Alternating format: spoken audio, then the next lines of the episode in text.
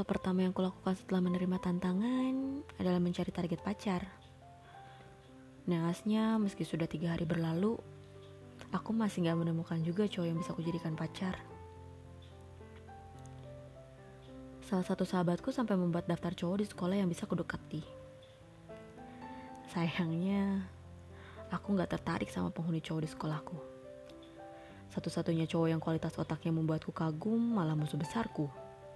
Cowok itu selalu membuatku kesal. Sudahlah, aku malas membahas tentang cowok itu. Sampai akhirnya salah satu temanku bertanya apa aku mau dikenalkan dengan teman pacarnya. Temanku itu juga cerita kalau cowok itu udah lama memperhatikanku. Reaksi pertamaku adalah mengerutkan dahi dengan penuh tanda tanya. Gimana mungkin dia memperhatikanku? Aku aja nggak tahu orangnya yang mana. Mendengar ocehanku temanku itu malah terbahak, seperti menertawakan pertunjukan Sri Mulat. Setelah tawanya reda, barulah dia menceritakan bahwa cowok itu sering datang ke sekolah ini untuk nemenin pacarnya setiap kali dia menjemput atau mengantarkan temanku ini.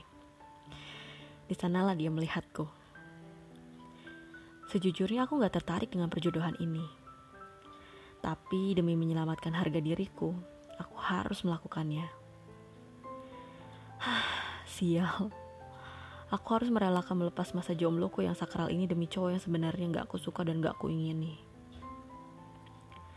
Keesokan harinya seperti yang dijanjikan oleh temanku, aku dipertemukan dengan cowok itu. Merah namanya. Gak ada perasaan istimewa saat bertemu dengannya. Aku hampir berpikir kalau aku mati rasa. Eh, enggak. Aku yakin bukan aku mati rasa tapi memang gak ada rasa aja. Saat itu Merah bersikeras mengantarku pulang. Meski sudah kutolak, dia masih gak menyerah juga.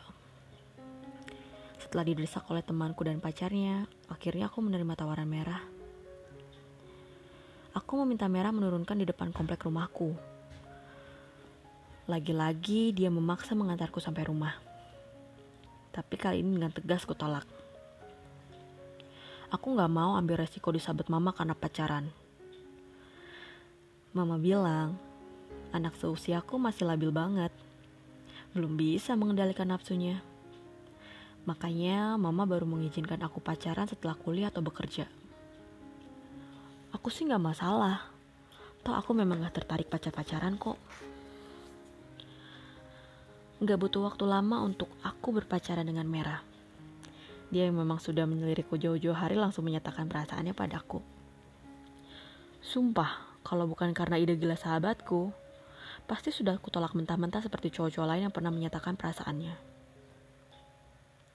Ya, seperti yang bisa kalian tebak, aku memenangkan taruhan itu.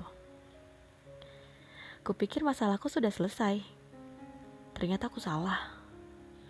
Ajakan kencan merah ketiga kalinya menyadarkanku bahwa aku masih dalam masalah.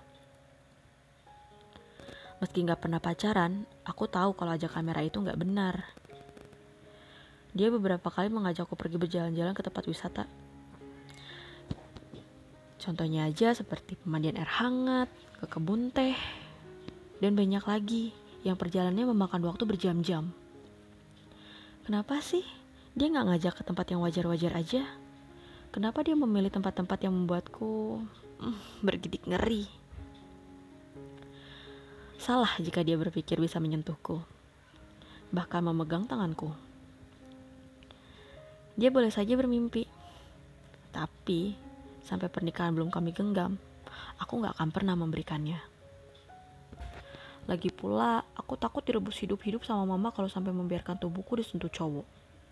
Enggak, jangankan direbus. Melihat mama melotot sambil mengacungkan sapu lidi saja udah membuatku ingin ngompol.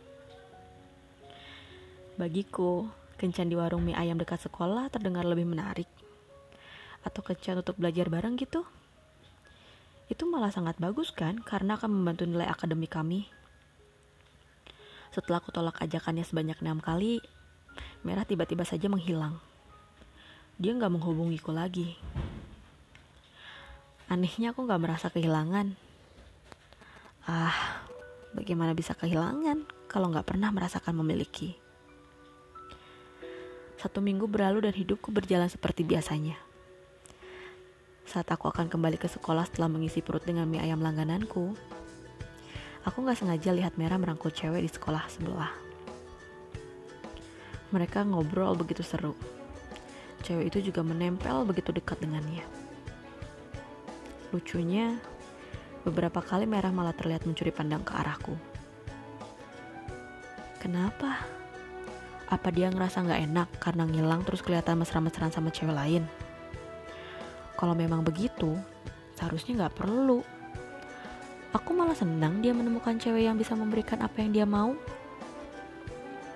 Waktu aku berbelok dan akan kembali masuk ke dalam sekolah, Merah mengejarku. Aku berhenti sejenak untuk mendengarkan dia mengatakan, "Kita putus ya, aku udah sama dia sekarang." Jujur, gak ada sakit hati waktu mendengar dia mengatakan itu. Aku gak marah sama dia. Serius deh, aku maklum kok sama apa yang dilakukannya. Aku kan memang cupu soal pacaran. Mungkin hubungan kami terasa membosankan bagi Merah. Jadi aku maklum kok kalau dia jadi begini. Setelah mengangguk dan tersenyum tanpa beban, aku kembali masuk ke dalam sekolah rasanya benar-benar nyaman banget bisa terbebas dari masalah yang belakangan ini seperti menghimpitku. Lucunya, keesokan harinya temanku menghampiri. Dia bertanya seolah mengonfirmasi soal pertemuanku dengan Merah kemarin. Dia juga memastikan kebenaran jawabanku pada Merah. Kukatakan saja terus terang pada temanku tentang apa yang kurasakan. Dia malah menggeleng soal aku habis melakukan kebodohan. Kamu gak berusaha cegah dia pergi? Tanya temanku. Buat apa? Aku balik bertanya. Ya buat mempertahankan hubungan kalian yang baru sebentar ini, tegasnya. Gak ada yang perlu dipertahankan dari hubungan yang gak seharusnya terjadi. Lagi pula, Merah berhak bahagia Aku rasa cewek itu lebih bisa bikin merah bahagia daripada aku. Tandasku. Dia menggeleng. Gimana kalau seandainya dia nggak beneran ngelakuin itu? Gimana kalau seandainya dia ngelakuin ini demi bisa bikin kamu mencintai dia? Gimana kalau seandainya dia ngomong gitu demi dapetin perhatian kamu? Dan dengan cepat ku jawab, berarti dia melakukan cara yang salah. Kali ini aku semakin mantap dengan keputusan kami untuk putus. Salah jika Merah berharap aku akan mengemis agar kami gak putus. Dia gak tahu aku benci drama cengeng begitu. Mungkin jika Merah mau membicarakannya baik-baik denganku, aku akan mulai menerimanya.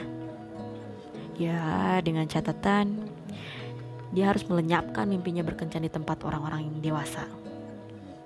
Ah, sudahlah. Kita memang gak bisa mengharapkan orang lain sepemahaman dengan kita kan? Mes, Merah masih sering terlihat di sekitar sekolahku saat jam pulang sekolah. Tentunya dengan cewek yang terus berganti-ganti. Aku gak pernah ambil pusing tentangnya. Karena bagiku hubungan kami memang sudah berakhir kan? Namun sepertinya gak demikian dengan Merah. Suatu hari dia menarikku untuk bicara. Dia menanyakan kenapa aku bisa sedingin itu. Kenapa aku gak marah bahkan cemburu melihatnya. Kenapa aku gak merespon kelakuannya. Kukatakan padanya, kalau ini caramu buat dapetin perhatian, kamu melakukan pada cewek yang salah. Sikapmu malah bikin aku merasa lega kita putus. Aku sempat mendengar suara knalpot motornya yang menduduk kencang penuh amarah saat meninggalkan kawasan sekolah. Saat itu, kupikir keadaan sudah tenang. Masalahku sudah selesai. Duniaku akan kembali seperti dulu. Tapi aku melupakan satu hal. Aku lupa kalau karma bisa kapan saja menyapaku.